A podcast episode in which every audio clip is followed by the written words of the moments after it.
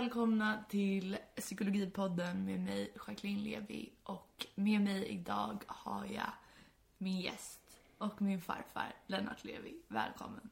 Tack. För de som inte vet, eller vet du vad? Om man inte har lyssnat på de tidigare avsnitten så ska man nog göra det. För då vet man nog vem du är, eller? Ja, vem jag är? Ja, jag heter alltså Lennart Levi, är din farfar. Och förutom den stora... Eh, Äran. så är jag också en pensionerad professor i psykosocial miljömedicin, särskilt arbetsmedicin vid Karolinska institutet. Det, sysslar, det betyder att jag har sysslat med den sociala miljön, dess inverkan på vår psykologi och psykologins inverkan, hjärn, hjärnfunktionernas inverkan på vår hälsa. Nå, det har jag gjort i många år på Karolinska institutet och sen har jag också försökt tillämpa det i politiken genom att jag satt fyra år i Sveriges riksdag. Yes. Men det viktigaste är att du är min farfar. Det tänkte jag inte abdikera från. Skönt, tack så mycket. Jag tänkte, vi har fått ett mejl från en lyssnare. Så att jag tänkte att jag ska läsa upp det för dig och för alla lyssnare. Så att vi vet vad situationen är. Och jag får tillåtelse att läsa upp det här i podden för er som undrar. Så står det så här. Hej bästa psykologipodden. Jag utsatte mig under många månader för påtaglig stress genom att plugga heltid och jobba heltid samtidigt. Jag ville prestera på topp i skolan, så många nätter efter skola och jobb spenderades vaken pluggandes. Jag hann aldrig med familj och vänner eller mig själv för den delen. Precis allt stressade upp mig, för jag kände alltid tidsbrist. Små saker som att dammsuga eller ta en fika med en kompis gav mig ångest. För jag ville verkligen, men hann aldrig. I våras rann bägaren över och jag blev otroligt nedstämd och grät nog över allt, till och med helt onödiga saker. Jag började efter många om och men hos en kurator, gick väl uppskattningsvis till denne cirka tio gånger, men det gav mig ingenting. Slutade gå dit lagom till att jag tog studenten, men har egentligen aldrig mått bra under sommaren. Eh, jag är enormt trött och är allmänt nedstämd. Nu till mitt nuvarande problem. För lite mer än två veckor sedan började jag plugga igen, denna gången på universitetet. Har inom situationstecken gått ner till timvikarie på jobbet, men vill så gärna jobba lite under studietiden också. Men jag ifrågasätter redan detta. För jag stressar över allt och bara tanken på plugg och jobb ger mig ångest. Vill inte hamna i samma mående som för ett år sedan. Vill inte, vill inte. Eftersom jag inte tyckte det hjälpte alls att gå till kuratorn är jag inte särskilt taggad på att göra det igen. Behöver lite tips och råd. Hur kan jag hjälpa mig själv? Vill bara må bra igen. Känner inte igen mig själv som egentligen är glad och så harmonisk. Kram från en trogen lyssnare. Ja, det var en historia att ta ställning till. Den första iakttagelsen är ju att hon som ber om råd borde inse det självklara att dygnet har 24 timmar. Inte 26 eller 27 eller 28, utan 24. Hur man än vänder och vrider på det. Och några av dessa timmar, 6, 7, 8 ungefär, måste man sova. Återstår alltså inte så fasligt många timmar. Eh, hon som ber om råd vill leva två liv samtidigt. Och det går inte.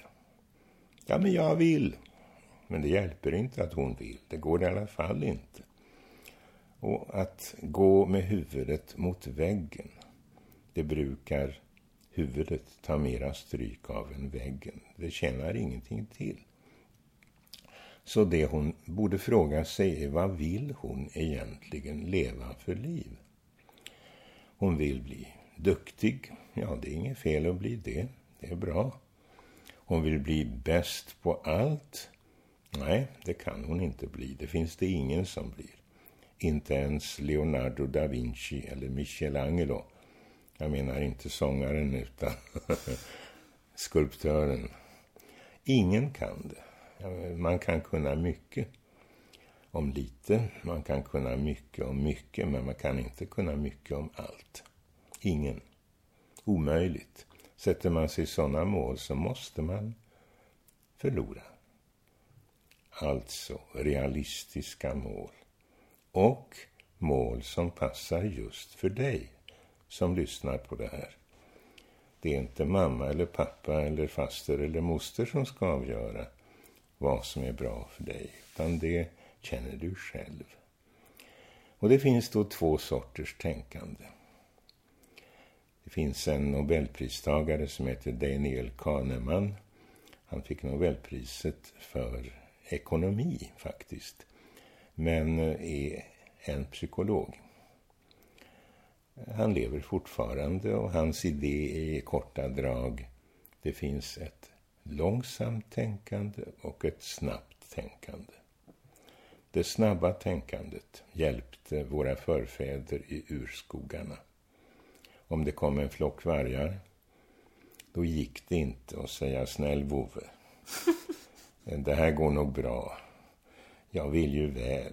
De upptäcker ju säkert att jag vill dem väl. Utan hungriga vargar är hungriga vargar. Och då gällde det att fly. Eller att klättra upp i ett träd. Eller att eh, ta en, en klubba och slå dem på nosen. Det var det snabba tänkandet. Och det hjälpte människosläktet att överleva. Men idag är det ju inte så ofta vi träffar flockar av vargar. Utan idag har vi ett jobb som vi kanske inte själva valt, men det fanns inget annat och bättre, så då valde vi det. Och där får vi uppgifter som vi inte älskar, men som vi ändå måste göra. Och uppgifter som vi kanske inte ens är utbildade för, men som vi ändå måste försöka lösa. Och då passar det långsamma tänkandet. Kan jag få ett annat jobb? I så fall vilket? Hur stora är chanserna? Har jag sökt några andra jobb? Att bara sitta och önska hjälper ju inte. Man måste ju läsa annonser, man måste utnyttja sitt nätverk om man har något. Man måste söka Arbetsförmedlingen. Så då krävs det långsamma tänkandet. Å ena sidan och andra sidan. Fördelar, nackdelar. Vad kostar det och vad smakar det? Och den sammanvägningen, den tar tid. Det måste man göra själv. Man kan mycket väl ha någon som ger en råd och sådär. Det är inget fel, tvärtom. Gärna en bra kompis. En förälder kan göra det, en anhörig kan göra det, en farfar kan göra det. ja, så att, och då kommer man fram till att så, så skulle jag vilja ha det. Och då är nästa fråga, hur ser jag till att jag får det så? Och då önskar sig en del något som inte går att få. Nämligen, de vill göra en storslagen karriär och de vill tjäna en massa pengar och de vill utbilda sig till allt möjligt svårt och på en och samma gång. Och då menar jag att då måste man fråga sig Dygnet har 24 timmar. Vad får plats inom den ramen? Och vad får inte plats? Och vad måste man därför välja bort? Jag vill inte välja bort. Ja, nej, okej. Okay. Du vill inte, men du har nog inget val. Ibland så får man acceptera att livet är har sina gränser, har sina begränsningar. Man kan inte få allt man pekar på och man kan framförallt inte önska sig saker som är omöjliga. Jag vill resa till månen. Ja, nu kan man ju kanske snart det, men eh, ganska länge sedan och i min barndom var det ju ett uttryck för orimliga önskemål. Så res inte till månen, sätt realistiska mål, formulera de målen och fråga dig sen hur du ska få det som du vill ha det. Hur man mår beror ju på två saker. Hur man har det och hur man tar det. Och hur man har det går att påverka. Det beror på de val man blir, man gör, men också de val andra gör för en. Jag menar, om arbetsgivaren säger nu ska du jobba med som receptionist eller nu ska du jobba i produktionen. Eh, och mm, så kan man ju inte alltid säga nej, jag vill inte. Det passar mig inte, jag har inte lust. Då har man snart inget jobb. Men väldigt mycket beror på hur man tar det. Om man exempelvis har föreställningen att livet måste vara ett enda långt lyckorus, då måste man bli besviken. Det finns inget liv i världen som är sånt. Utan ibland får man sina smällar. Shit happens, säger man på engelska. Shit happens. Ibland dör någon. Ibland misslyckas man med något. Ibland får man inte det jobb man vill ha. Ibland får man inte den partner man vill ha. Ibland bär sig den partnern illa åt. Synd, tråkigt, visst. Och då gäller nästa idé. Och den är att man ska vara medveten om livets nyanser. En del har bara två lägen, ungefär som en gammal T-Ford. Den går back eller den går fram, möjligen i helfart och i halvfart. Men livet är inte sånt, utan livet har mycket fler nyanser. I en skala på 1 till 10 eller 0 till 10. Hur tillfredsställd är du just nu? Hur olycklig är du just nu? Hur förbannad är du just nu? Och då är det inte det digitala som gäller 0 och 1. Utan det som gäller är nyanserna. 0,7, 0,34, 0,29. Jag menar, det är ganska svårt att ange så exakt, men att det är skillnad på 0,3 och 0,9 inser ju de flesta. Och då ska man inte säga jag hatar dig. Eller jag älskar dig. Det är noll och ett. Utan du är en väldigt sympatisk person. 0,34. Får jag bara 0,34? Nej, inte du. jag tar det. Ett tänkt, en tänkt uh, konversation. Jag fattar. Ja, alltså absolut, jag håller med. Men alltså den här situationen som hon beskriver, den är ju väldigt vanlig. Och även både bland män men främst bland kvinnor. Eh, och det låter ju nästan som ett typ av liksom desperat rop på hjälp lite. Alltså det är en person som jobbar heltid och pluggar heltid. Alltså heltid betyder ju att det ska vara ja, heltid. Mm. Så att ha två heltidsjobb, det skulle ju i så fall innebära som du sa, det är ju alla dygnets timmar. 8 plus 8, det är 16, återstår 8 timmar för sömn. Ja, och de verkar ju inte vara inräknade kanske i hennes ekvation. Um, och det känns ju som att alltså hon säger att hon absolut inte vill hamna där hon har varit innan. Och att hon inte känner igen sig själv. Och det är ju en ganska läskig eh, känsla att ha. Att man, man liksom känner inte igen den som man är själv. Och det känns som att, jag vet inte, jag känner verkligen igen det här tänket. Det är en vilja som kommer från någonting gott kanske. Att man vill göra mycket saker. Men att det också grundar sig i en icke-realistisk verklighetssyn. Som vi har blivit fostrade i. Att, att liksom, så länge du gör allt du kan så går det. Och därför har man inte lärt sig kanske att portionera sig själv. Klokt sagt.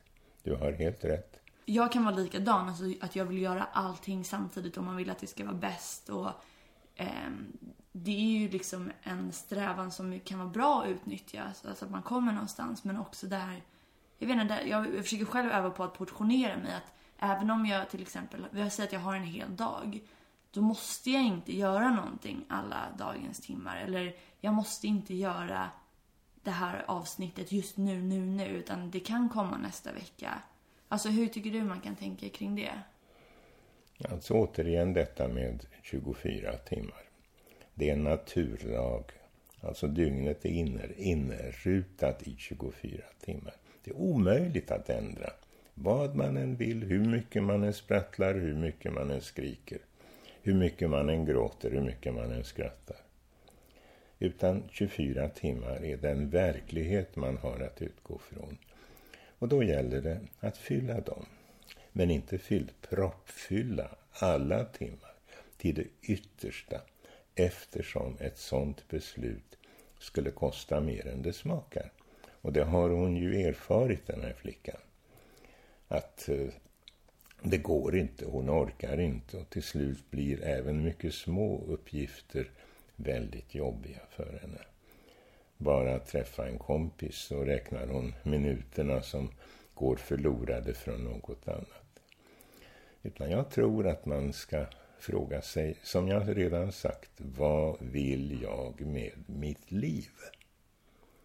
Vill jag bli en ny Moder Teresa? Vill jag bli en ny Ingvar Kamprad? Vill jag bli en ny Stefan Löfven? Vad vill jag? Mm.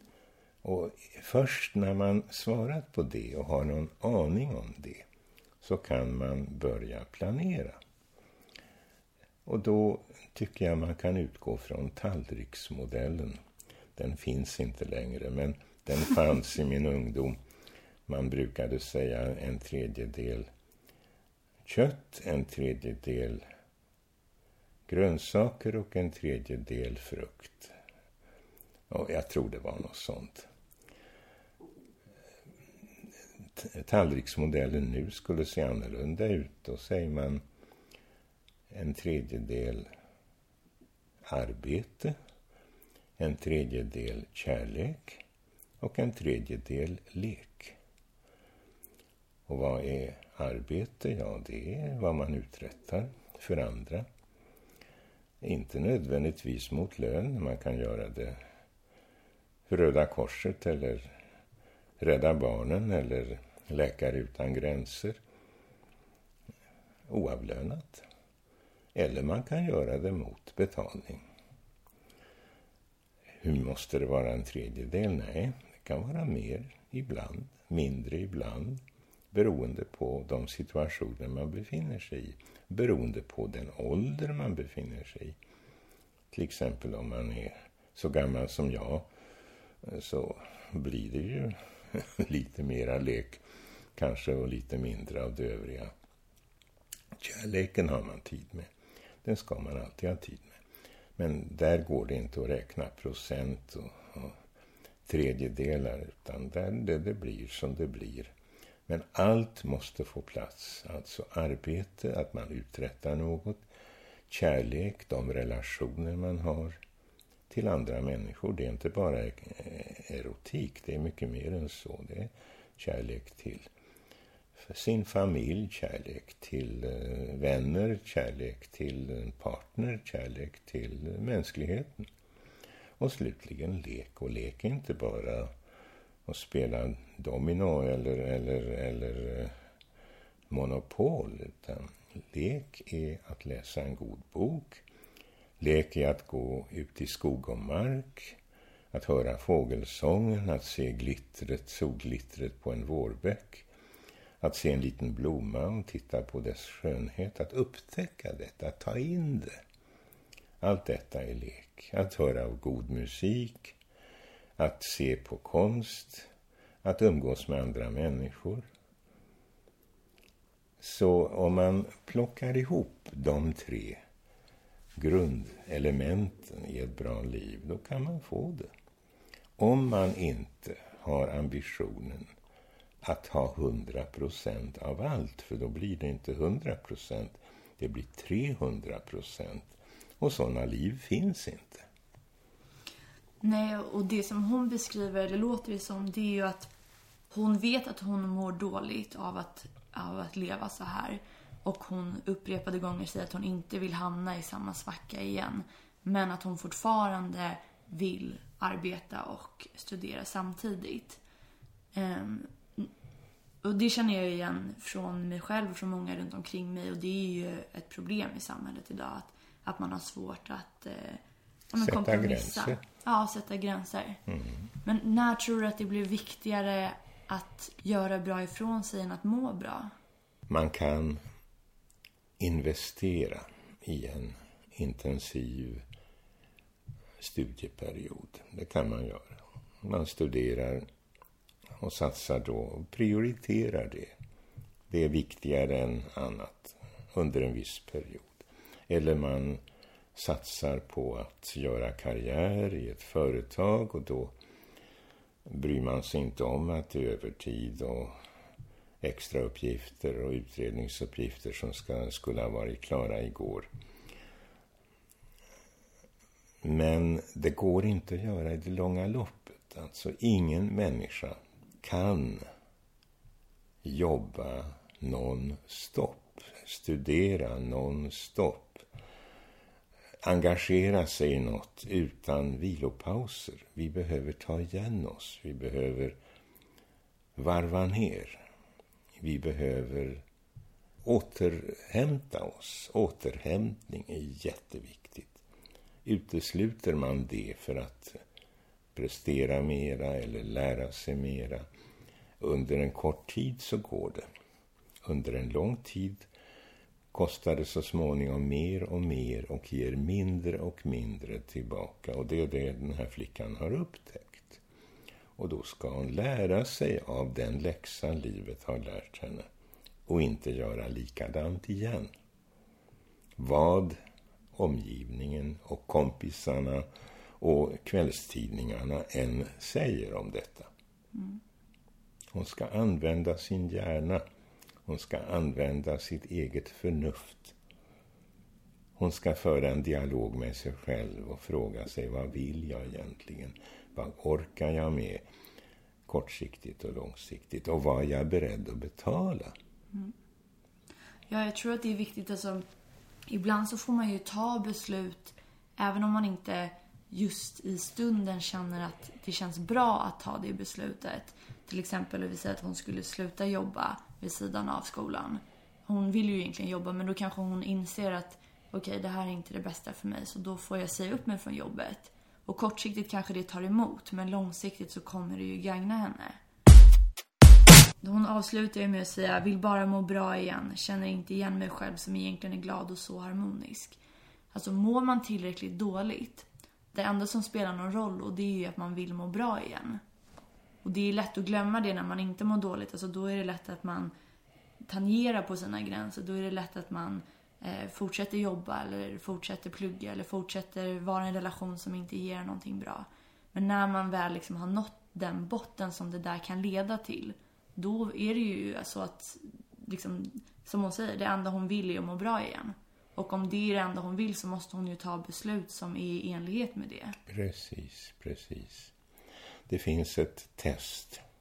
Det fanns en doktor som hette eh, Robert Elliot, vill jag minnas. En kanadensisk hjärtspecialist. Han var väldigt duktig, han var väldigt framgångsrik. Det finns en jantelag även i Kanada. Jantelagen säger du ska inte tro att du är någonting. Och det sa man till honom.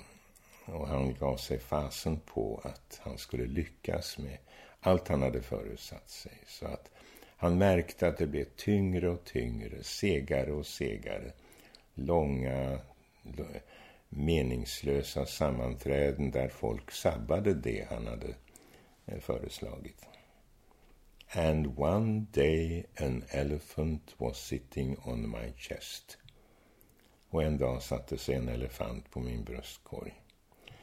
Och det var naturligtvis ingen elefant, det var en hjärtinfarkt som slog till. Så hjärtspecialist han var så drabbades han av en hjärtinfarkt och han var ytterst nära att gå hädan. Men han överlevde. Och om det skrev han sen en bok och i den boken kan man inte med stora bokstäver utan med faktiskt i löpande text se tre regler. Regel nummer ett är Don't sweat the small stuff. Slit inte ditt hår över småsaker. Regel nummer två är All stuff is small stuff. Det är inte sant. Det finns saker som inte är small stuff. Men väldigt mycket är small stuff. Och regel nummer tre är If you can't fight or flee, flow. Om du inte kan fly eller kämpa, flyt. Lägg dig på rygg, låt vågen komma. I de flesta fall blir det inte så farligt som man trott. Man klarar det. Och man gör inte så stor affär av det. Och jag tror det är tre bra råd. Det, det finns ett fjärde. Och det är att göra gravstensprovet. Det låter väl lite hemskt. Ja. Eftersom vi hoppas att det är långt kvar till gravstenen. Men idén är vad vill du ska stå på din gravsten?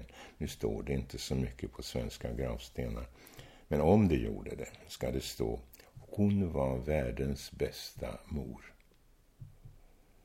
Ska det stå Hon var jättebra på att sälja eh, bokhyllor på Ikea. Ska det stå Hon var världens rikaste kvinna. Hon var inskriven i The Hall of Fame i Hollywood.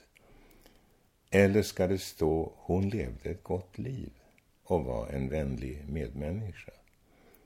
Alltså beroende på vad man vill bli ihågkommen för. Mm. Så väljer man sina val. Och de valen måste man göra själv man får goda råd, ja visst, man kan lyssna på råden, man ska väga för och emot. Man ska inte fatta de besluten med magen, man ska fatta dem med det långsamma, eftertänksamma tänkandet. Å ena sidan och andra sidan. Fördelar, nackdelar. Vinster och kostnader. Mm. Ja, ja, alltså verkligen, jag håller med. Men det är, det är svårt att att ge sig själv. Alltså, det är som jag sagt tidigare, när man ger råd till någon annan så är det ju lätt att tillämpa de här liksom, teorierna eller råden. Men sen när det gäller sig själv så blir det ju svårt. Och det låter lite som att eh, den här tjejen och många andra tjejer har någonting som kallas prestationsbaserad självkänsla. Alltså, du mäter dig själv eh, och ditt egna värde i det du gör. Och det leder ju många gånger till att i slutändan så går det ju inte ihop. Alltså, det är ju ett väldigt fragile, alltså ett väldigt eh, känsligt mått. Därför att om du inte presterar, vad eller vem är du då? Hur kan man försöka jobba sig ifrån den här typen av självkänsla och komma till någon typ av liksom grundtrygghet i att jag är bra oavsett vad jag presterar? Jag tror med min kosttallrik, den här tredelade att det som ger livet innehåll är arbete och kärlek och lek. Inte bara det ena, eller det andra, eller det tredje, utan alla tre. Och på det kan man bygga sin självkänsla. Att vara världens bästa morsa är minsann ingen dålig insats. Därför att den påverkar deras, hennes barn och hennes barnbarn och hennes barnbarns barn och fortsätter långt in i framtiden.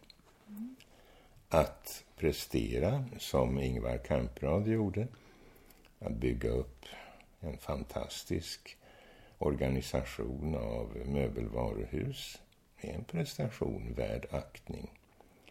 Men ersätter den kärlek?